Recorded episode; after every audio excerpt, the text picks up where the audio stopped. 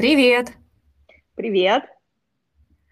А, Ксения, давай сегодня представимся, кто ты есть сейчас. Окей. С кого начнем? С тебя. Окей. Всем привет, меня зовут Ксения Жорова. Я сейчас эм, практикующий человек штанга-йогу, э, не высыпающийся, строящий свою новую школу на Бали, э, переживающий какой-то рост в отношениях, во всех вообще вещах. И это все так для меня новое, и так все это для меня немножко страшно, у меня постоянно вообще какие-то трясучки. Плюс в... единственное, что мне, конечно же, помогает, это практика и поддержка всех, кто мне пишет, да, в Инстаграме, поддержка моего блога. Вот что я могу сказать, и поддержка, ну, поддержка друзей, естественно. Это я. Как у тебя дела, Санди? Представьте, пожалуйста, кто ты сейчас. А, я есть Санди, человек, который спит 6-8 часов. А, в последние годы, 7 лет я встает утром, медитирует, а, выполняет практику пранаямы. Для меня это что-то новое, потому что раньше я пропускала пранаяму. Я гуляю с собакой, стараюсь по часу в день, практикую штангу-йогу, изучаю тиктоки, они меня триггерят очень сильно. У меня дома творческий бардак, а, то есть я человек, э, у которого дома бардак, и в силу того, что я вообще ходячий пылесос и постоянно убираюсь дома, эти паттерны, как я подозреваю, заложены на генном уровне. У меня папа, бабушка такие были. А мне это мешает, и я это разрешила себе, и сейчас направляю энергию на исследовательскую работу и творение подкаста. Кстати, я еще хочу в Инстаграме свою аудиторию, но у меня это плохо получается, поэтому простите за мои тупые сторисы. И сегодня э, я хотела сказать, что Юлия Персильд вернулась с космоса. Я наблюдаю за этой актрисой. Э, они снимают фильм «Вызов» э, Клим Шипаненко, э, режиссер, они тоже вернулись, я так рада за россиян. И причем это все происходит на территории Казахстана. Э, мы отдали Байконур, э, космостанцию в аренду России, и это где-то рядом, и это чувствуется. Ксения, давай я быстро проговорю, о чем мы поговорим сегодня. Давай, давай. Мы будем, мы будем говорить о поглаживаниях, о том, как мы ведем себя на семинарах в Шале, в Майсоре, какие ориентиры мы можем предложить ребятам, которые собираются уехать и обучаться йоге. И в двух словах разберем понятие шаучи – а также ответим на вопрос с Инстаграма. Мы, мы вообще еще, э, ребят, хотели рассказать, что запускаем рубрику «Мы сами будем готовить для вас вопросы». Если вам интересно, отвечайте на эти вопросы либо интимно только для себя, либо вы можете с нами связаться и отправлять свои ответы. Итак, поехали. Ксения, как дела? Как прошла неделя? Были ли вспышки, ну, ну те вспышки, которые ты называешь инсайтами? Неделя прошла, а на самом деле классно, была шестидневка же, да, у нас на этой неделе никаких лун, там ничего не было, все было так замечательно. И в субботу а, короче, я сходила к э, гипнотерапевту, я же все время, да, себя развиваю, там в себе копаюсь, в своей психике, все никак не могу докопаться, видимо, до чего-то. И после этого у меня что-то изменилось, видимо, пошла какая-то расширение, там какая-то тройка. И, в общем, в субботу я начала себя уже некорректно вести по отношению к своему партнеру, я начала как-то что как-то немножечко вести себя так, как бы подпсиховывать и так далее. В ночь с с субботы на воскресенье у меня защемило шею. А кто практикует давно штангу-йогу, вы знаете, что бывает, да, такая история, что ты не можешь э, там, типа, повернуть шею, да. Я это связала с, э, с чакрасаной на самом деле. Я подумала, может быть, я в чакрасане свернула шею.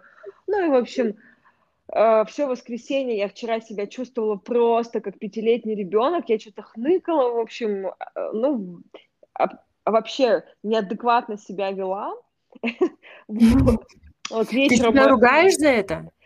Я себя, да, честно, у меня есть такая история, что я себя ругаю, я это обязательно, спасибо за этот вопрос, я это буду разбирать, значит, э, в терапии на этой неделе, вот, и э, вообще к вечеру мы окончательно разругались, не поехали в кино, э, и, в общем, э, все так т-т-т, вроде бы все как бы помирились, уснули, я как всегда встала в 4 утра, поехала на класс, вернулась, класса, и мы продолжили беседу. В общем-то, вроде как все нормально. Что произошло на классе? То есть я проснулась, шея более или менее, все хорошо, я начала практиковать, естественно, потому что я знаю, что любые, если у меня есть какие-то травмы, какие-то зажимы, их что вылечит? Конечно же, первая серия. Я встала в свою первую серию, думаю, ну ладно, сделаю все ночи красную, ну пофиг, что болит, то, конечно же, ночи красные, я такая снова Просто супта подангуштасаны, да, э, прям на первой же чекрасной я такая, а, шея, все, привет, но как бы более или менее, я даже стойку на голове сделала в,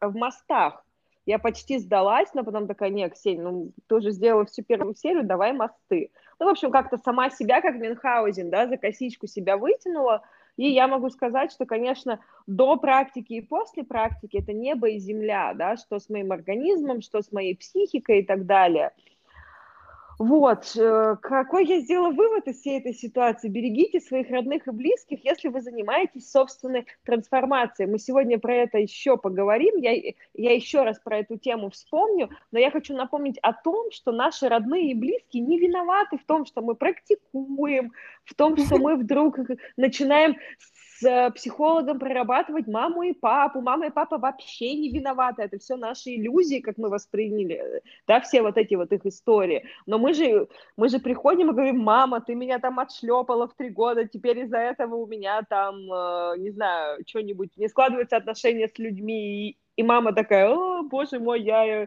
я и так там типа всю жизнь думала, что я плохая мать, а теперь-то моему ребенку 35, и теперь-то я точно в этом убедилась. Ну, как бы, come on, как бы не травмируйте близких, ваши практики, ваши проработки, они ваши, наши. Поэтому вот такой у меня инсайт. Быть бережнее к людям кто около ну, нас. Он такой адекватный, потому что я заметила за собой, когда я знаю, что люди в терапии, я боюсь им что-то сказать или пошутить. Правда, у меня такой, такой бзык, я все время извиняюсь перед ними. И э, что, ну, у меня сестренка, подруги в терапии, я уже фильтрую, и честно, потом у меня проблемы с желудком, переваривание. Естественно. Под контролем. Окей. Поэтому давайте, ребят, попроще а, с нами, те, которые не в терапии. А почему вы не в терапии? У меня вопрос, как бы. Терапия всем, как бы, ребята. Это практика. Должна быть иногда прочистить все. Да, да, да, это обязательно. Я на самом деле про вот эту шею почему заговорила, потому что я прочитала твой пост, что у тебя было что-то с рукой, и ты, и ты об этом очень открыто сказала, и это настолько важно, это, кстати, тоже к сегодняшним темам, которые ты перечислила, что очень многие как-то не, не рассказывают про то, что у нас не только все классно, но мы сталкиваемся и с трудностями важных, мы сталкиваемся и с травмами, которые мы сами себе причиняем. И это очень интересно, там как бы со всякими зажимами и перестройками. Вот меня очень сильно вдохновил этот твой пост про твою руку и про то, что ты там делала перерыв от некоторых асан, да, в один день. Э, это прям очень классно, спасибо тебе большое. У тебя классные сторис, у тебя классные фотографии, классные посты, вот. Спасибо. Я расскажу давай о своей неделе. У меня был Пожалуйста, смешной расскажи, момент. Да.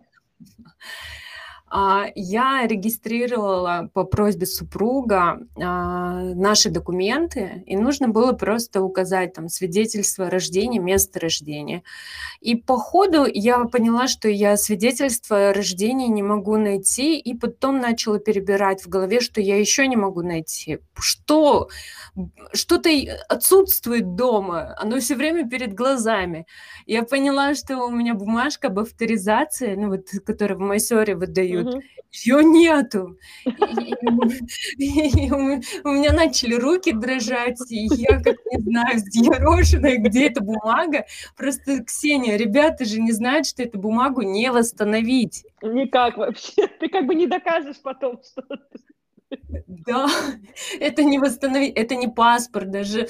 Я не знаю, я, у меня в истории было, что я свидетельство о браке рвала. Это лучше, чем пойти развестись. А вот эту бумагу нельзя терять. И, в общем, я начала искать, и у меня все дрожало. Потом э, я у сына спросила, у меня сын так хорошо реагирует, он э, импонирует все время, говорит, мам, ну давай что-то искать. И на какой-то момент он говорит, мам, я что-то ищу, но я не знаю, что именно я ищу. Я говорю, ну сына там дедушка нарисован на этой бумаге. И на английском написано Сандер и Химба а, так это дедушка, так я его в сундучок свой убрала, убрал. Я говорю, какой это сундук? И оказывается, когда в Чешме уезжала э, на ретрит, моя свекровь убиралась дома, и сын знал, что эта бумага важна мне, и взял и убрал среди своих игрушек драгоценных. Понимаешь, как это все произошло? Очень Ужас. Я столько таких эмоций давно не переживала, я обожаю свою жизнь. Вот. А касательно руки, рука-то правая болела у меня. А у меня не... тоже. Да?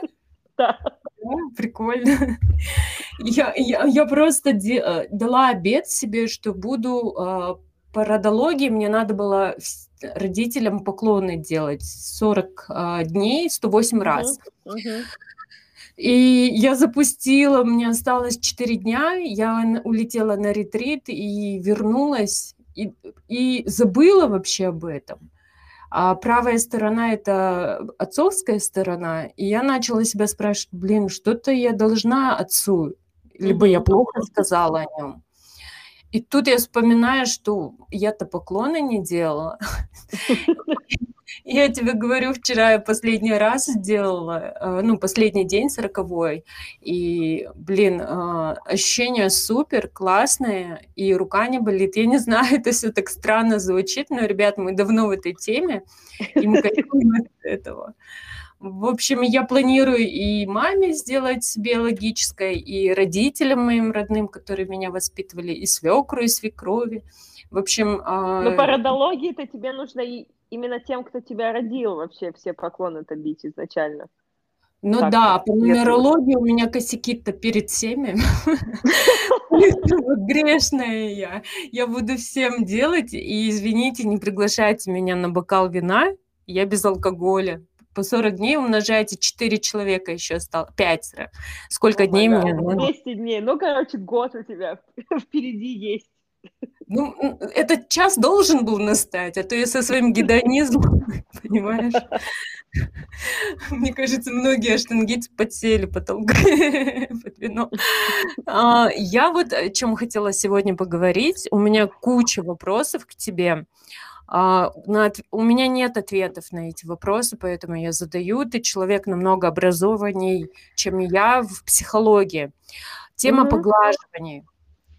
Ксения, смотри, а, мой супруг проходил терапию у хорошего местного психолога. Она считала с его слов, что он транслирует ну, особую строгость к себе и странно mm-hmm. реагирует на похвалу. Он знаешь, mm-hmm. как делает? Он игнорирует, когда я сама хвалю его, либо избегает, перебивает, mm-hmm. отмалчивается, когда его хвалят. Ну, как-то этот, mm-hmm. Все так у нас сложно с этим. Она дала ему домашнее задание, чтобы он вслух хвалил себя не только себе, но и своим собеседникам. И wow. ровно тогда останавливал тех, кто критиковал его. Mm как бы не впускала эти слова в свою реальность. Я, как мартышка, начала тоже практиковать это бесплатно. Спасибо за совет. Кстати, всем рекомендую, ребята, вот сразу, да, хоп, себе записали. Это классные ориентиры. Ну вот я, ребята, искренне буду перед подругой своей и перед вами. Я заметила, что у меня поначалу очень сильно э, голос дрожал когда я что-то вообще о себе хорошо говорю. Но потом отпустила, и мне э, было сложно остановить. Оказывается, люди не знают, какая я хорошая. И сейчас я не вижу сути в этой практике. Вообще это нужно.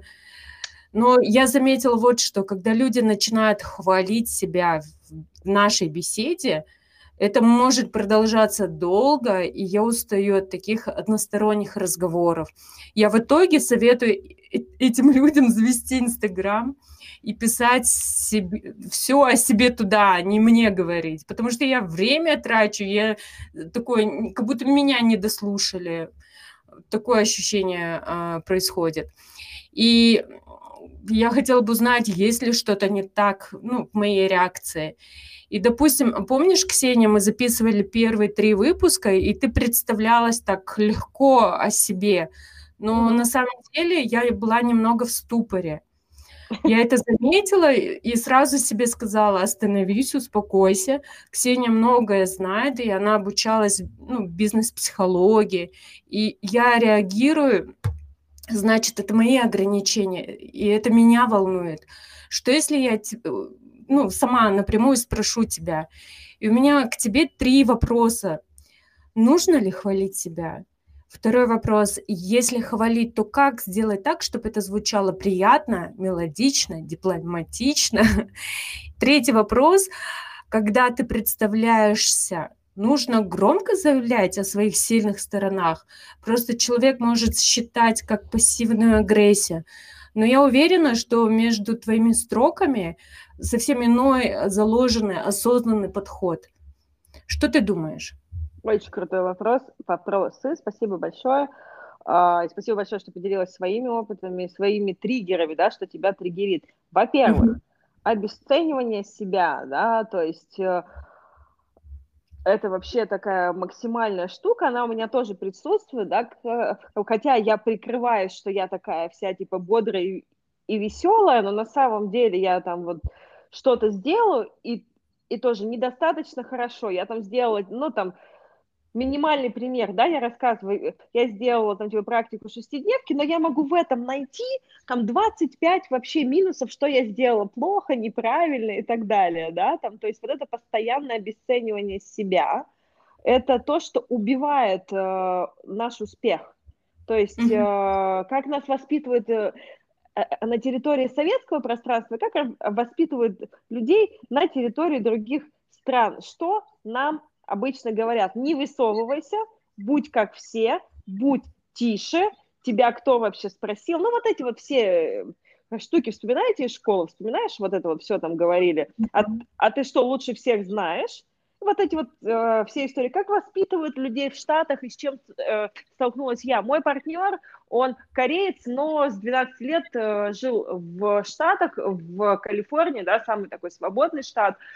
И когда он мне начал говорить одобряющий и всякую похвалу, всякие типа good job, э, то есть как бы хорошая работа, да, там типа молодец, короче, так держать. Я на него смотрю и такая, я что, собака, что ли? Ты мне почему это говоришь-то? Или там какие-то комплименты, серия мне говорит, типа, ты красивая. А я говорю, спасибо, я знаю. Да, это я, там, типа, ты лучше. Я говорю, спасибо, я знаю. Это моя защитная реакция, потому что меня, и я начала осознавать, что меня никто никогда в детстве не хвалил. То есть, mm-hmm. что ты сделала? Классно. Что-то плохое, что-то плохое происходит, сразу же у нас, типа, семейный консилиум, да, собирается, все, как бы, ой-ой-ой, там, горе в семье, да, из серии как бы. И как бы вот такая вот история происходит, что э, нас изначально со школы, с детского сада не учат заявлять о себе. Что, mm. Чему я научилась на всех бизнес-встречах, бизнес-тренингах и так далее, что когда ты представляешься, тебе нужно за минуту продать себя и свой товар, свою услугу, что есть ты как свой бренд. То есть, э, если я представляюсь там, допустим, э, в какой-то бизнес э, среде, им вообще плевать, что такое авторизация. Я всегда говорю, здравствуйте, там, меня зовут Ксения Жорова, у меня опыт работы в таких-то, таких-то, таких-то компаниях, у меня такой-то, такой-то, такой-то бизнес был, да, там, типа, две школы в России, т.д., там, типа, семинары по всей... Ну, и, и вот эту вот всю историю я начинаю рассказывать, да, если я встречаюсь э, с людьми из йога-среды, я говорю, здравствуйте, меня там зовут Ксения Жорова, я авторизованный преподаватель, ассистирую учителю в школе, там, и вот это, да, история. Если я встречаюсь с мужчиной, я ему говорю, привет, меня зовут Ксения, и вообще ничего про бизнес не говорю, но могу сказать там что-нибудь типа из серии, что там я занимаюсь йогой, да, или там, mm-hmm. что я люблю рисовать, вот какие-то там, или что я люблю поесть. То есть презентация себя в первую минуту – это очень важно. Но, допустим, что могу сказать, э, другая сторона. Мой партнер, э, который э, инвестиционный советник, да, э, советник по инвестициям в одном их был э, в одном из в одном из крупнейших инвестиционных центров э, США, как он представляется. У него совсем другая стратегия. Он делает вид, что он, э, это когда не касается бизнеса, что он такой очень простой парень, ну, который, типа, ничего не знает, такой весельчак, немножечко дурачок, такой, ну, типа, ну, кореец и кореец, ну, типа, что там, все нормально, там, может даже какие-то специальные ошибки делать на английском, Потому что люди, ну, типа, не ожидают, они начинают открываться, сразу же чуть-чуть себя выше ставить и там, и начинать его там получать и так далее. А потом уже узнается, что у него там степень MBA, там то-то, то-то, там как бы такая-то работа, такое-то образование. Это очень круто показывает тоже истинный цвет людей. По поводу твоего вопроса, что тебя немножечко э, смущает, если люди начинают себя хвалить, во-первых, это упражнение, которое ты делала, я бы его бы сделала, знаешь бы как? Научиться хвалить других людей. Очень важно тоже. Научиться подмечать, что тебе нравится в людях. Не что тебя так я это делаю на иск... да, ну, да. То есть у меня Супер. фильтр восприятия все время Супер, направлены на только хорошее, потому что плохое мы всегда друг у друга найдем. Да, конечно. А вот я не знаю, как долго у кого проблемы в этот момент, когда а, в беседе очень долго звучит одна речь, и я думаю, я либо Йог сейчас, либо Санди. Ты можешь спокойно в такой момент, ты можешь говорить, что ты чувствуешь через я сообщение. Не ты меня, типа, достал, ты, а сказать, слушай, я вот что-то чувствую, что как-то вот здесь вот, типа, объясни мне, ну, как бы можно задать вопросы по теме. Это, видишь, еще какой встречи, что за встреча. Если это встреча, когда тебе что-то нужно от человека, да, получить, чтобы получить win-win, да, чтобы и ты что-то дала, и тебе что-то человек дал, mm-hmm. то тогда нужно, конечно же, выслушать, задать вопросы и так далее. Если это встреча, э, в которой ты не заинтересована вообще, просто тебе человек подходит и начинает что-то про себя рассказывать, в этот момент ты можешь остановить человека сказать, понятно, я все поняла, спасибо большое, очень рада встрече, до свидания. То есть это зависит от ситуации очень сильно. Ну да, есть люди, у которых есть такое issue, да, у которых есть такая особенность, что эти люди там как-то слишком много, может быть, про себя рассказывают, но если это согласно контексту, если это подходит, да, если тебе нужно знать все его регалии, этот человек реально очень крутой, естественно, интересно послушать, какой у него опыт или у нее. Поэтому здесь я не особо, то есть как бы я не особо понимаю, потому что для меня, наоборот, это такой редкий случай, что человек что-то классное про себя говорит. Типа, обычно все говорят, ой, типа, ой, я там, типа, мисс мира, ой, да мне просто повезло. Из серии, а то, что ты там как бы пахала, как собака, да, на эту мисс мира, об этом как-то все вообще забывают.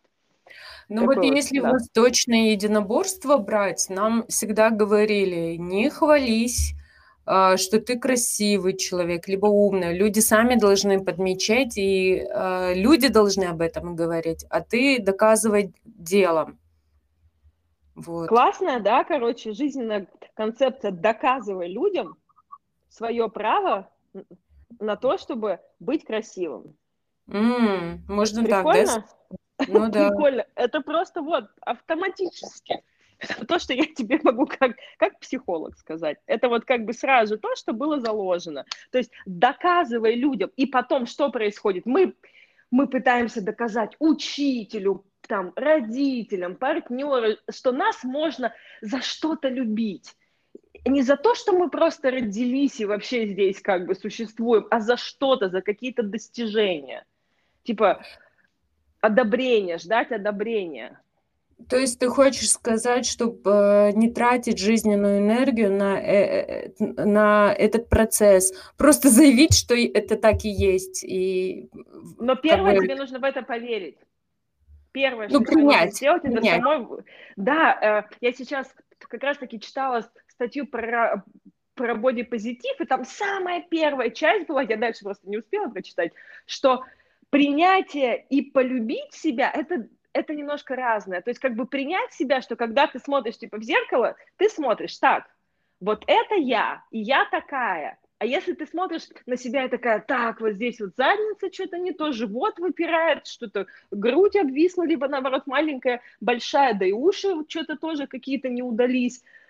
Вот это не принятие себя, да? Любовь к себе – это когда ты такая, я вообще на максималках смотришь на себя в зеркало, оторваться не можешь. А принятие себя – это когда ты смотришь на себя в зеркало и такая, вот это я. Вот я Ксения Жорова, и вот я вот такая вот.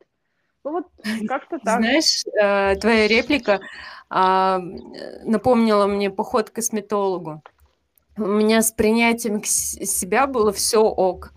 Я, наоборот, в зеркало смотрела, и я выросла на тех словах, когда мне говорили, ну какая ты красивая. И когда я пришла к косметологу, я же через эту призму ума на себя смотрю, а косметолог mm-hmm. меня посадил перед зеркалом и говорит, кошмар. Шикарно, да? Кошмар. Вот это подтянуть, это убрать, это срезать, туда надуть. И я смотрю в зеркало, в зеркало и смотрю, кошмар. Я, я, я, то есть весь его кошмар тоже увидела. И я подумала, не-не-не, что-то как-то ментально я, я заболеваю. Вот. А Ксения... А это ее да. проекции, э, это ее проблемы, как бы она их на тебя взяла и свесила. Ну да, благодаря практике ты можешь сбросить то, что не нужно тебе, правильно? И об этом тоже мы поговорим чуть позже. Ксения, давай поговорим да. о семинарах. Вот я да, вижу, вот что ребята это. ездят э, на семинары, на ретриты, в поездки.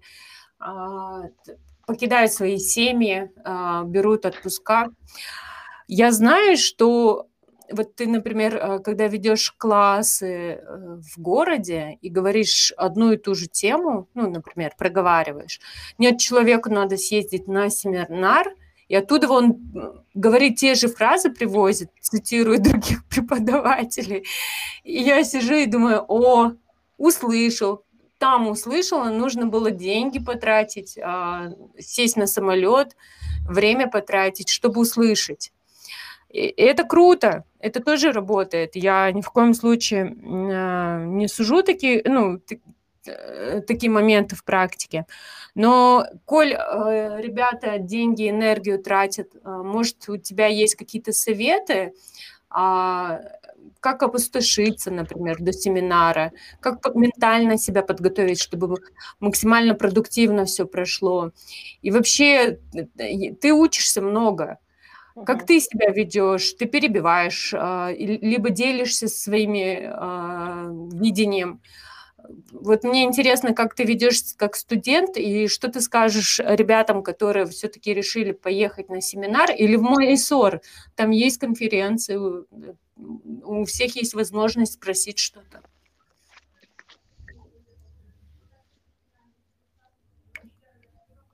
Ксения? Да, я думаю, да, что тебе сказать по этому поводу, потому что самое главное, самая главная ошибка на семинарах это то, что и, и на всех обучениях, что я вижу, это когда люди приезжают с желанием показать, что они знают. То есть вот они даже могут типа задавать вопрос, да, человек может задавать вопрос и в этот же момент типа отвечать на свой же вопрос. А. Ему учитель говорит, вот это вот так и вот так. Он говорит, нет, я вот, вот это вот, ну, типа, лучше знаю, то есть сразу же, то есть некоторые студенты приезжают на семинары доказать, что они знают, типа, показать учителю, что я знаю. Как я прихожу на обучение на все, во-первых, мне очень интересно, как работает преподаватель. Я прихожу как ученик и смотрю вообще методологию. То есть для меня методология это прям вообще самое интересное всегда на семинарах. И самое главное, конечно, если ехать учиться, то ехать учиться только из э, состояния ученика. То есть полное принятие, что тебе там скажут, да, допустим, если тебе преподаватель на семинаре говорит вот сюда руку поставить, а тебе до этого пять лет говорили немножко по-другому, принять, попробовать И, возможно, это тебе больше подойдет, чем то, что тебе говорили пять лет до этого. Просто пробовать то, что тебе говорят, потому что, возможно, это, ну, невозможно, скорее всего, в 90% случаях это действительно то, что продвигает тебя. То, что происходит вот с этими историями, что люди на семинарах слышат лучше, чем то, что им говорит учитель рядом, ты абсолютно права. Нужно потратить время и деньги, вложиться больше эмоционально, чтобы стать более открытым. Поэтому я...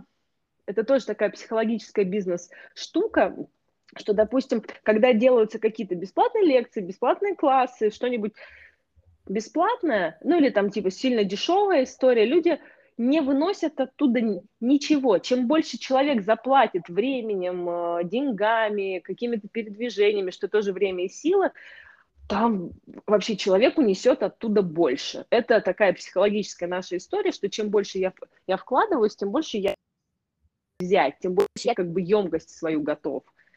Вот. То есть ты хочешь да. сказать, э, по сути, люди вкладывают большие деньги, чтобы оказаться в настоящем? Моменте? Да, конечно. Это интересный вообще вопрос. Я такая, что вообще, откуда это? Да. То есть, да, получается, да, да. если бы он был бы в настоящем моменте и услышал мой вопрос, или э, получил типсы по освоению асаны, э, ему, ну, надобности не да. было бы ехать. А вот иногда Я человек платит да, большие да. деньги, чтобы... Давай. Угу. Это такая Говори. теория, да, это теория, как бы ее назвать-то? Теория отпуска. Вон, назовем ее теория отпуска. То есть вот ты, когда приезжаешь в отпуск, ну, допустим, куда-то в горы там или, не знаю, в Индию, там, в Сочи, там, на то же самое Бали, да, тебе кажется, так все классно, ты ни секунды не теряешь, ты обходишь все, ты идешь и в этот парк, и в тот парк, и можно и поменьше поспать, и сюда съездить, и туда съездить. И ты вообще, и ты знаешь, что, что скоро конец, и это настолько ценно, каждая минута настолько ценна, вообще всего вот этого вот твоего времяпрепровождения, ну пусть это будет Бали, да, две недели на Бали, и ты просто, ты смотришь все вулканы, все водопады, т -т -т. а если ты переезжаешь на Бали и понимаешь, что это, ну, у тебя теперь так всегда. Вот я, честно, я была на, на одном только водопаде за два года. Ни, ни, ни на один вулкан я не поднималась. Я даже перестала ездить на закат на океан каждый день. Ну, что, это же, это же типа каждый день, это же всегда. И, и теряется вот эта вот ценность того, что сейчас происходит. То есть когда тебе твой учитель, вот который рядом с тобой, всегда он тебе там что-то говорит, и ты такой, да, да, да, и, и даже, и там уже, типа, даже не из-за того, что ты не уважаешь учителя, а потому что у тебя немножечко снижается ценность, а тут ты приезжаешь на семинар, и у тебя mm-hmm. есть только там 2-6 дней, 2-4 дня, да, там, допустим, 2-4 дня вот этого семинара, и ты, и ты понимаешь, что вот нужно все услышать, все услышать за эти 2-4 дня, потому что это же все закончится, и, и ты лучше выкладываешься там на занятия. То же самое и в Майсоре, да, там, когда у тебя два месяца, ты такой типа, ну, там, первый месяц у меня на раскачку, второй месяц там, дай бог, новые асаны и так далее, да, типа, когда мы приезжаем на месяц в Майсор, я уже не помню, как это, но как бы все равно, да, типа, когда на месяц, все, ты, у тебя неделя на первую серию, а за три следующие недели тебе нужно просто выложиться на полную, да, то есть как получить все знания, услышать каждое слово, спеть вс- все чантинги вместе с Лакшмишем, понимаешь, не пропустить ни одного, да, когда у тебя там 2-3 месяца, такой, чантинг, а, я, короче, лучше посплю, сегодня была тяжелая практика, еще без ассистирования, да нафиг, это надо еще ехать часто, опять же, далеко, да, типа нафиг надо. И вот это вот как бы пропадает ценность. Это называется теория отпуска. Романы всегда, да, какие романы в отпусках всегда. Ты о них помнишь всю жизнь, потому что это было так ярко. А поживи ты с этим человеком 2-3 месяца, ну и как бы вряд ли что даже получится. Но у кого-то у кого-то получается, не спорю. У кого такой ну, отпуск. Господи, такой я, опыт. Я помню, а, очень интересную а, такую параллель а, провела Анна Кравцова. а, преподаватель из Москвы, угу. она на семинаре с Леонидом Ланиным рассказывала то, что, ребят, а, приезжающие преподаватели на семинар, вы с ними проводите как будто медовый месяц.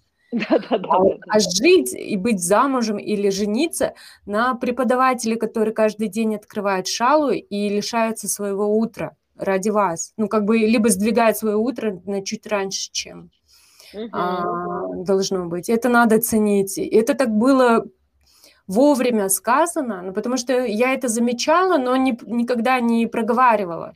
Это было так красиво сказано людям, мне кажется, у многих в сердцах это осталось. Вот. Ну, потому ну, что, давай... понимаешь, да, да, да, говори, да, говори. я еще, я еще скажу, да, как uh, у меня сколько было, uh, два года постоянно в турах, да, и вот я, я приезжаю в какой-нибудь город, и меня там встречают просто как рок-звезду, да, у меня есть опыт путешествия как рок-звезды, есть типа опыт путешествия как uh, преподавателя йоги. Точно так же. Тебя водят тут в рестораны, тут ты там живешь в гостинице. Все, все, в общем, классно. Ученики там 20, типа 30, 40, 50 человек. Все там интересуются, все у тебя задают вопросы. Ты самый классный, самый умный, да? Возвращаюсь я в Питер, э, в свою шалу. Ну, там все такие расслабленные, еле-еле-еле на уроки ходят. Я думаю, подождите, я вчера была, у меня там вообще просто народ визжал я возвращаюсь э, в свою собственную шалу, у меня тут все на расслабленном, да, потом кто-то еще и приезжает, то есть еще было интересно, когда люди приезжали в мою шалу в Питер из других городов, и как бы все такие тоже, а, что происходит, как бы почему, да, так вот. Тоже интересная история. Действительно происходит обесценивание преподавателя на месте. Небольшое, но все равно происходит. Ну, ты сейчас э, расценки свои подняла достаточно так на мировом языке это нормальные расценки, да. но на языке э, городских локальных преподавателей по йоге они могут сказать «Ого!» Ну, это, это их ограничивающее убеждение. Ты как нет, понимаешь? Нет, я хочу да, просто да, подвести да. к тому, что, э, во-первых, можно себе разрешить Э, стоить э, столько-то. Во-вторых, э, это действительно так и стоит. И в-третьих, люди, которые будут оплачивать 500 долларов за месяц, они будут включенными, потому что как на работе с психологом а, они будут отрабатывать а, это все. Ну, я надеюсь, я бы просто, если бы заплатила... долларов за месяц, это вообще, ну, как бы это... Я не считаю, что это высокая цена. Я считаю, что это вообще 50% скидки, если честно. Потому что тот опыт, что есть у меня, те знания, что есть у меня, ну и на российском пространстве мало кто с таким опытом. Там как бы по пальцам, да, пересчитать. И я как бы считаю, что если хочется углубляться, да, или хочется, наоборот, начать свою практику, то, блин, начинайте с лучшими. И кто себя ценит, потому что нет ничего хуже, чем обесценить преподаватель. Это как вот, знаешь, мне когда, извините, что я поднимаю эту тему, ребят, достаточно острая. Мне когда говорят, ничего себе у вас там типа в шале деньги, да, лопатой гребут. А я говорю, а я не хочу заниматься у учителя, который не обеспечен, простите меня, и себя не ценит. Для меня важно, чтобы мой учитель был вообще э, в, в полном благополучии, да, чтобы хорошо питался, хорошо жил и не волновался, и хорошо спал. Вот для меня это очень важно, чтобы мой учитель был в этом. Ну, ребят, ну, по сути, можно так еще сказать, а, когда мы в ресурсе, идеи, а, которые возникают творческие, как развивать шалу, как развиваться да. самой, и потом передавать как конвейер, чтобы передавать без искажений, тогда э, ну, э, э, появляется возможность. И то есть это все укрепляется, дает корни. Я считаю, было бы классно, если бы ну, какая-то была одна международная расценка преподавателей, учителей по йоге, и тогда бы много интересного бы мы еще узнали и чаще бы встречались друг с другом. Я так считаю. Конечно, Санди, ну подожди, как одна расценка? Если есть, простите меня, Кина Макгрегор, а есть э, не знаю, кто-нибудь не, не Кина Макгрегор, да, и, и как бы, ну, две большие разницы, сколько кино практикует, либо есть там тот же самый Ричард э, Фриман, да, и есть, э, Девочка ну, только что авторизовавшаяся. Я не говорю, что да, да, да. Э, ставить я, на один да, уровень да, Макгрегор да. Э, с нами, а я говорю о том, что категория знаний, а, ну, да. не знаю, категория преподавания может же быть. Так яснее, так да. понятнее. Я да. за то, чтобы было все понятно, чтобы все было прозрачно, ясно, и люди понимали, за что и зачем, и как это работает. Ну, буду наблюдать. Я сейчас... Очень хорошая не... тема. Очень хорошая тема, и я тебя благодарю за то, что ты ее подняла, потому что ты знаешь, что я всегда говорю открыто и честно, и что кому-то стыдно про это говорить и назначать свои цены кому-то стыдно. И это очень большая проблема обесценивания себя. Когда я еду в Майсор и плачу, простите меня, там 2-3 тысячи, 4 тысячи долларов типа за поездку, приезжаю домой, и что, я не могу аренду за свою шалу заплатить? Ну, как бы привет, так, так не должно быть. Ребята, цените себя, свои знания, чем бы вы ни занимались. Угу. Сколько вы в себя вкладываете, считайте это каждый день своего обучения, каждый день своего опыта. Пожалуйста, умоляю, цените себя и свое время, и свои силы, свое здоровье, своих близких, опять же. Ну, мы все идем к этому, и мне бы хотелось бы, чтобы у всех все хорошо было в этом плане, честно, искренне. А, этого желаю учителям по йоге. У меня всегда душа болит за учителей по йоге, которые обес... их обесценивает прежде всего а, йога-студия, которая якобы поддерживает а, и завлекают студентов. На самом деле эти проценты, которые они получают, особенно на территории Казахстана, но это очень не знаю, смешно. сколько у вас там, потому что в России было, было типа 30%, но это смешно. Ну да, что-то такое. Но ко мне, конечно, всегда классно относились, девчонки. А, но есть ребята, которые, э, я знаю, и часто у меня спрашивают, Санди, как вы установили баланс между тем, а, чтобы обучаться ездить, и обучать, вы еще кушаете, питаетесь, э, одеваетесь, у вас салоны красоты, здоровья есть. Э, как в этом баланс с той зарплатой, которую получают учителя по йоге здесь? И я им говорю то, что вложила я очень много в образование, и добиться свои 50%, которые мне э, выделяют – причем наоборот же должно быть 70 на 30, студия 30 забирает, 70 конечно, учитель. Конечно. Но здесь так не работает, и я, принимаю, и я понимаю, да, и студию, то, что она затраты несет, но э, меня все равно, я же говорю, а, а как учителя по йоге должны жить? Ну, они же улучшают жизнь другим людям. Получается, они должны быть э, ресурснее, чем другие люди. Конечно. Вот. Ты права, ты права. Ой, я ж, знаешь, покраснела. Потела там, я надеюсь. Я покраснела, потому что это такая ну, красная тема. Я надеюсь, когда-нибудь я ее расшифрую. Мы будем о ней много еще говорить. Мы будем говорить Открыто. много красные темы, на разные красные темы будем говорить, потому что это то, что нужно озвучивать.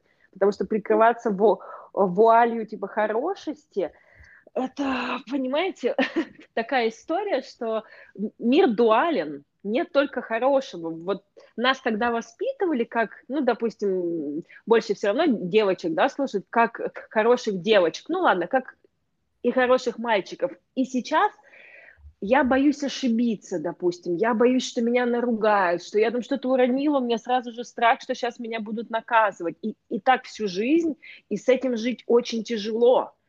И, и это реально психотравма, быть как бы хорошей девочкой, хорошим мальчиком. Мы теневые, у нас есть тени, которые дают нам тоже силы. И их, и их вот именно принять настолько мощно и настолько интересно. Ксения, у меня есть смешная история а, семинаров. А, лично моя история, как я не слышала своего учителя и не была в настоящем. Я отправилась на ретрит в Австрию с мыслью, а, тогда я только-только изучала виньяса штанги йоги. Это много лет тому назад было. И у меня идея была стать на руки. Вот это мое, мое желание было искреннее.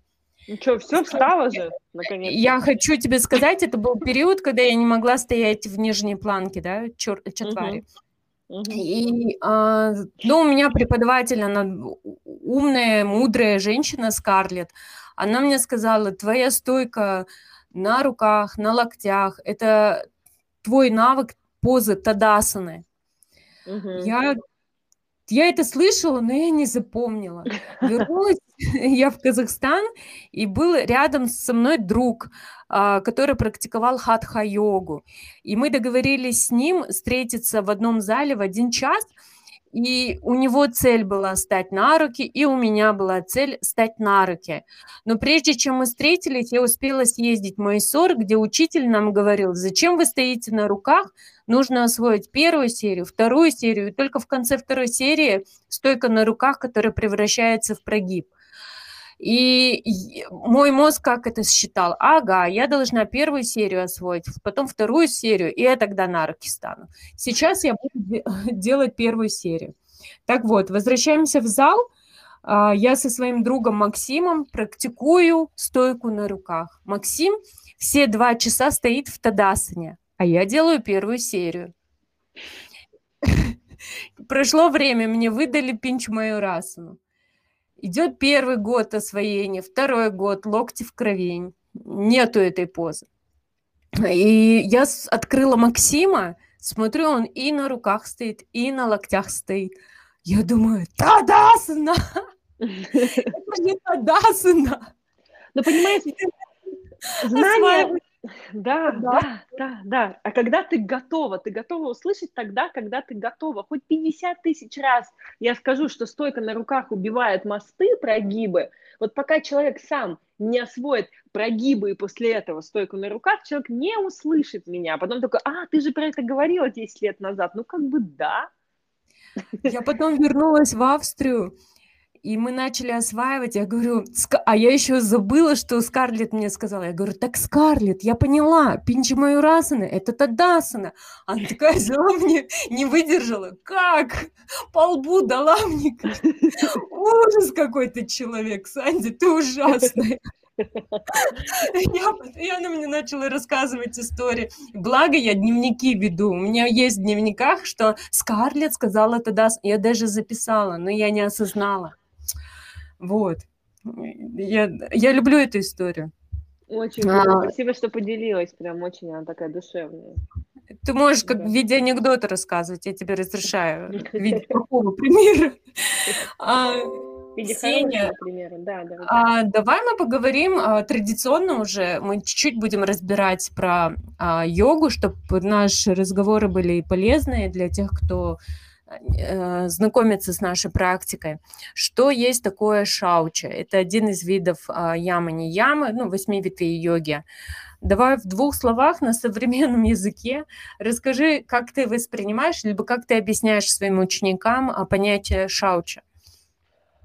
А, шаучи первая не яма, да, это про то, это про чистоту мысли, про чистоту дела, про чистоту тела, вообще про любую чистоту, да, что наши мысли чистые, наша речь чистая, наши помыслы чисты, наш коврик чистый, это, то есть там несколько градаций чистоты, то есть если самый Э, физическое, самое примитивное шауча – это то, что мы, допустим, идем в душ перед практикой, надеваем чистую одежду, расстилаем свой чистый коврик, и вот так вот мы практикуем. Да? Дальше шауча, конечно же, про чистоту пространства. И самая интересная часть – это, конечно же, шауча про про чистоту нашего ума, про чистоту нашей речи и так далее. И кто-то мне может сказать, Ксения, но ты же говоришь плохие слова, ты же материшься даже э, во всяких текстовых интервью. И как бы, да, я это делаю, потому что иногда без этого никак. вот. И я не считаю, что это скверняет мою речь и так далее, потому что иногда, опять же, теневая сторона, она, как бы тень — это не грязь очень важно понять вот эту вот историю, что тень это не грязь. А загрязнение это, это допустим, могут быть не, не истинные желания, да, которым мы следуем. То есть э, мы можем идти, идти, идти, идти, идти по нашему пути, и тут бах, и куда-то свернуть, да, не туда. И и свой истинный путь именно потерять. И вот здесь мы теряем свою шаучу. Мы раз куда-то типа влево свернули, потом э все-таки вспомнили, про чистоту нашего плана, про чистоту наших помыслов, вернулись обратно и, и идем дальше по нашему светлому пути, где присутствует тень тоже, это нормально. Я хочу вот про это опять же, да, еще напомнить. Но вот если в двух словах, то я бы рассказала про Шаучу так. Санди, что ну, ты думаешь? Я, я поняла, что ты свою гигиену мысли соблюдаешь э, посредством медитации, верно? Абсолютно верно. И посредством э, психотерапевтических практик тоже. Mm-hmm. Единственное, я могу добавить, что у нас учитель без стеснения э, в Майсоре говорил о том, что, ребят, э, вы носите с собой две футболки, пол, два да. полотенца. Да. Меня возвращал домой, э, чтобы я ему со, свой, со своим эго, конечно, меня он подбешивает меня. А я, я ему говорю, ну, учитель, я не потею. Я не потею. 600 человек потеет, я не потею. Да, вот именно с таким говором. Я не потею, я особенная. А он такой, нет, нет, иди давай домой. Еще по-отцовски так. А, и, и я не стеснялась на классах говорить, ребят, принимайте душ до практики. До практики обязательно. Не пользуемся никакими там парфюмами, маслами ароматическими ни в коем случае. Это все очень важно чтобы у вас, ну, вообще, типа, очищение это какое? Наша практика это и есть очищение. Если поры забиты всякой грязью дня, то зачем это все? Да, по поводу э, помыслов и мыслей, так получается иногда, что есть у меня старые друзья и есть у меня э, такое общество, когда, ну, сплетни это ок, потому что трушность это ок. А, я не знала, как быть вовлеченной, как отвлекаться, отвлекать себя, чтобы не создавать новые паттерны, потому что мы же знаем систему кармы, это все возвращается. Mm-hmm. А, я, что я придумывала? Я ничего не придумывала, я просто молчала и не давала себе, ну, как бы позволения того, чтобы говорить. Я, наоборот, взращивала паттерны, чтобы пусть этот разговор без моего участия будет. Как ну, учитель да, говорит, да. хлопок, и, э, там две ладошки нужны.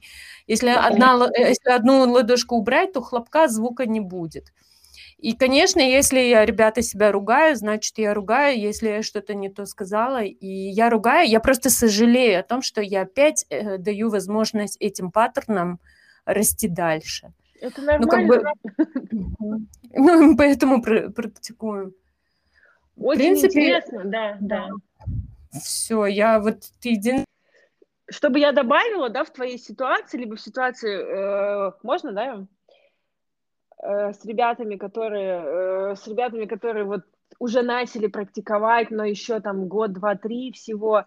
То есть не, не делать так, что, ой, вы тут сплетничаете, я пойду к своим йогам, в общем, там, там Ой, никто не сплетничает. Да. да, да, да, вы все токсичные, я тут это самый нетоксичный человек. В общем, выключить надменность и наоборот принять людей, принять всех такими, какие они есть, да, как говорит мой партнер, я тебя принимаю, но это не значит, что я одобряю все, что ты делаешь. Но принимаю mm. я тебя, вот ты вот так вот живешь. Это не значит, что я тебя должен любить, там, не знаю, там, э, детей с тобой рожать, да, там и так далее. Я тебя принимаю, я принимаю людей такими, какие они есть, но это не значит, что я одобряю их поступки. И, mm. и меня в этот момент просто, о мой бог, кто здесь йог вообще? Я тоже часто так говорю. А, Ксения, смотри, у нас а, поступил первый вопрос. А, в Инстаграме мне девушка написала. Она интересуется йогой, а, занималась ранее хореографией и на данный момент сидит в декрете. И э, хотела бы пройти обучение, обучать йоге. Вообще, реально ли обучиться э, преподавать йогу? Она об этом спрашивает. И она дает ремарку. Просто смотришь на тренер, э, ну, на преподавателя по йоге, которые занимаются по 10 лет и более. А я вот так, за короткий срок все и сразу хочу. Ну, в смысле, сможет ли она это сделать? Вот вопрос такой. Я хочу напомнить о том, что, во-первых, должен быть свой опыт преподавания должна быть безграничная любовь и желание отдавать людям.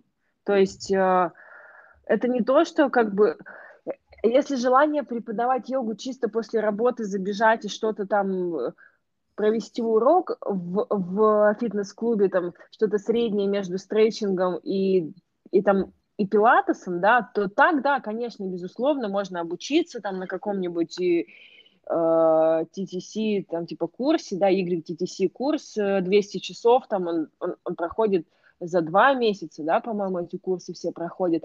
Безусловно, можно, можно так вот, но, но есть одно большое но, что если есть желание стать действительно учителем йоги, стать гуру, который ведет от тьмы к свету, да, как бы, кто такой гуру, да, это тот, кто направляет, это, то здесь, конечно, нужна личная практика, своя парампара, свой учитель, да, у кого вы будете учиться, э, вот эта вот вся вообще длинная глубокая история, то есть просто быть э, тренером по йоге э, в режиме хатха-йога асан, безусловно, можно. И дома можно вообще не практикуя пройти какой-нибудь онлайн-курс и так далее. Но чтобы стать хорошим учителем по йоге, нужно действительно посвятить этому жизнь. Нужно засыпать и просыпаться учителем по йоге. И а там же еще есть роль матери, да, как вот у тебя, Санди, еще есть роль жены, роль э, хозяйки собаки. И это везде будет отражаться. Везде эта йога будет отражаться, везде это преподавательство будет отражаться. Но я могу добавить то, что да. когда я в суете такой нахожусь, а, и ребенок, и супруг, и друг, и семья, какие-то роли, да, семейные ты исполняешь. Да этот навык, он дает классно регулировать мои СОР-классы. Наоборот, можно посмотреть с другой стороны. Угу. То есть э, ты, я себя всегда представляю в роли индиан, индийско, индийской богини, у которой там 8 рук, и которые вот тебе дают 24 часа в сутки, и тебе нужно э, сделать все с каждой рукой. И то же самое в майсор-классе, когда набирается 30 человек в группе, и ты одна, я, я невысокого роста, и, и, и я понимаю, что так, так, так. И у меня, знаете, вы смотрели фильм «Миллионер из трущоб»? Вот он, mm-hmm. когда сидит и вспоминает, он же берет э, свои знания и подсказки на ответы в силу своего опыта жизни. Он нигде не обучался ничему. Где-то mm-hmm. он надпись увидел, где-то он что-то узнал. Вот то же самое я смотрю, а, это когда Даниал кричит. Там, и я смотрю на практикующего, и я улыбаюсь, потому что напоминает тот же опыт, как, как я успокаивала сына, например. Я подхожу и начинаю. Где-то что-то, э, у кого-то эго пошло, и я думаю, о, это же мой супруг. И подхожу и, и использую те же как-то моменты. Конечно, конечно. Поэтому, э, да, это э, все же зависит от желания и знания о себе. Если у вас нет знания о себе, знания о своей душе, э, своего предназначения, то, конечно, вы можете вступить не на свою дорогу. Это может быть ложное желание где-то из интернета, да, там что-то там где-то что-то там подцепили и так далее. А вот прям себя спросить, да, прям сделать себе раскладку, как я, как я, где я вижу себя через пять лет преподавателем йоги? Вот там тебе через пять, через десять лет, где я себя вижу как учитель йоги? Как я практикую, что я преподаю, где я преподаю и так далее. Вот прямо вот такую раскладку сделать и решить, что я хочу преподавать, как я хочу преподавать, как, как складывается моя жизнь вообще с этим новым опытом с этой работой. Вот примерно так. И тогда вы себе, если вы себя видите на месте вот этих вот учителей, кто по 10 лет там, да, преподает, а есть еще люди, которые там типа по 14 лет, да, там по 15 преподает, ну, допустим, как у меня, да, вот опыт. Не забываю об этом мне напомнить, конечно же. И, и а, если вы Скоро готовы к этому... знать, сколько лет ты да, да, да, да, да, естественно, слава, дай бог. Вот, и как бы Естественно, естественно, если вы себя там видите, если вы готовы, за все есть своя цена. Если вы готовы платить эту цену, а мы говорим и в этом будем говорить о цене, которую мы платим за нашу практику, за наши поездки в Майсор, за все на свете. Это не только финансовая цена, да, это цена отношениями, это цена отношений и со своей личной, да, семьей, со своей другой, там, как бы, семьей и так далее, да. Это цена своего времени, своего здоровья. Об этом будем еще обязательно говорить. Вот если вы готовы к этому, то да, конечно. Welcome в ряды йога-тичеров. А, я также хотела бы сказать, а, а, может быть, наши соковрики слушают, наши друзья из Майсора и, э, и слышат. И, ребят, мы создали эту площадку для того, чтобы дать возможность проговорить все моменты, которые ну, умалчиваются. Я уверена, что у вас у многих есть моменты, которые вы хотели бы проговорить. И для меня подкаст равен улучшению вишутхи, то есть... Mm-hmm express yourself. И я уверяю вас, ребят, это безопасная э, вы можете проговорить какие-то острые моменты. Кто, если не вы, об этом будет говорить, и слушая вас, ребята будут понимать, что лучше туда не идти. Вот. Если у вас возникает желание поучаствовать, то есть э, либо Саня, либо я, либо мы все втроем с вами можем сделать общий тоже подкаст, да, что-то типа интервью, беседы, пожалуйста, если вы слышите это и хотите, да, как бы принять участие, welcome, мы сделаем отдельную, отдельную главу для вас. То есть там как бы какое-то разовое участие, пожалуйста, приходите, высказывайтесь, это очень важно. А во второй раз уже платно. Я шучу. Причем нам придется чтобы вы пришли во второй раз. Окей. Я шучу. А, ребята, если вы еще с нами, уже чуть более часа мы говорим с вами, мы хотели бы, чтобы вы... А, мы, мы взяли на себя обязательства, у нас есть домашнее задание с Ксенией.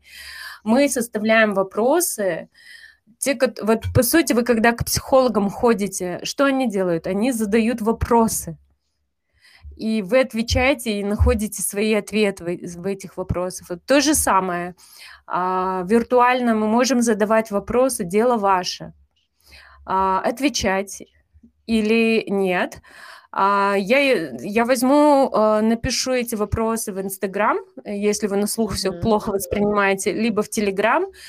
И вы можете прописать, если у вас есть утренние записи, дневники, вот, и вопросы будут постоянно меняться. Если вы хотите озвучить эти вопросы, вы можете нам написать, что наши глазки пройдутся по вашим ответам, и с вашего разрешения мы можем зачитать, если классный литературный ответ какой-то классный. Или литературный тоже ну, можно. Да-да-да, я сама сказала, уже пожалела, зачем я это слово Вот. Ксения, ты готова? Давай one by one. А, если я услышу классный вопрос, я э, спрошу у тебя, почему ты задаешь, хорошо? Угу. Ну, чтобы ты раскрыла. Да. Давай ты первую, я вторая. А, что вы говорите себе первое, когда вы начинаете день? Как начинается ваш день? С какой фразы себе начинается ваш день? Мой вопрос. Где ты сейчас? Я этот вопрос постоянно задаю. То есть куда ты направляешь свои мысли? А, мой вопрос. Где ты видишь себя через пять лет? А, мой вопрос. В нашей жизни присутствует именно то, что мы выбираем замечать, что именно ты замечаешь, когда ты общаешься с людьми, когда ты гуляешь одна, либо в Инстаграме. Классный вопрос. Мой вопрос, э, что ты сейчас чувствуешь? А, мой вопрос, какие позы тебя раздражают.